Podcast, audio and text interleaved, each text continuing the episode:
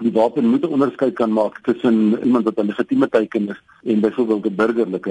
En in tweede plek eh, moet die wapens van so aard wees dat hulle nie buitensporige nadeel veroorsaak vir die burgerlike bevolking nie sogenaamde kollaterale skade nie. En hierdie wapens lyk asof dit eintlik spesifiek op gerig is om nie kollaterale skade te veroorsaak nie.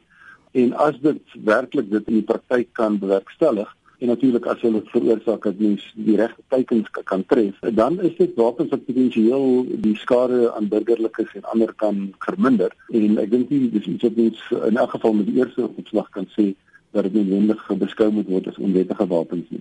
Dit sal 'n ekonomie kan lam lê. Ja, maar oorlog is van so aard dat as mense in oorlog gebruik, dit is nou natuurlik die eerste vraag, is word dit in 'n oorlog gebruik? Maar oorlog is van so aard dat gewoonlik word geboue word opgeblaas, brûe word opgeblaas, burgerlikes word doodgemaak.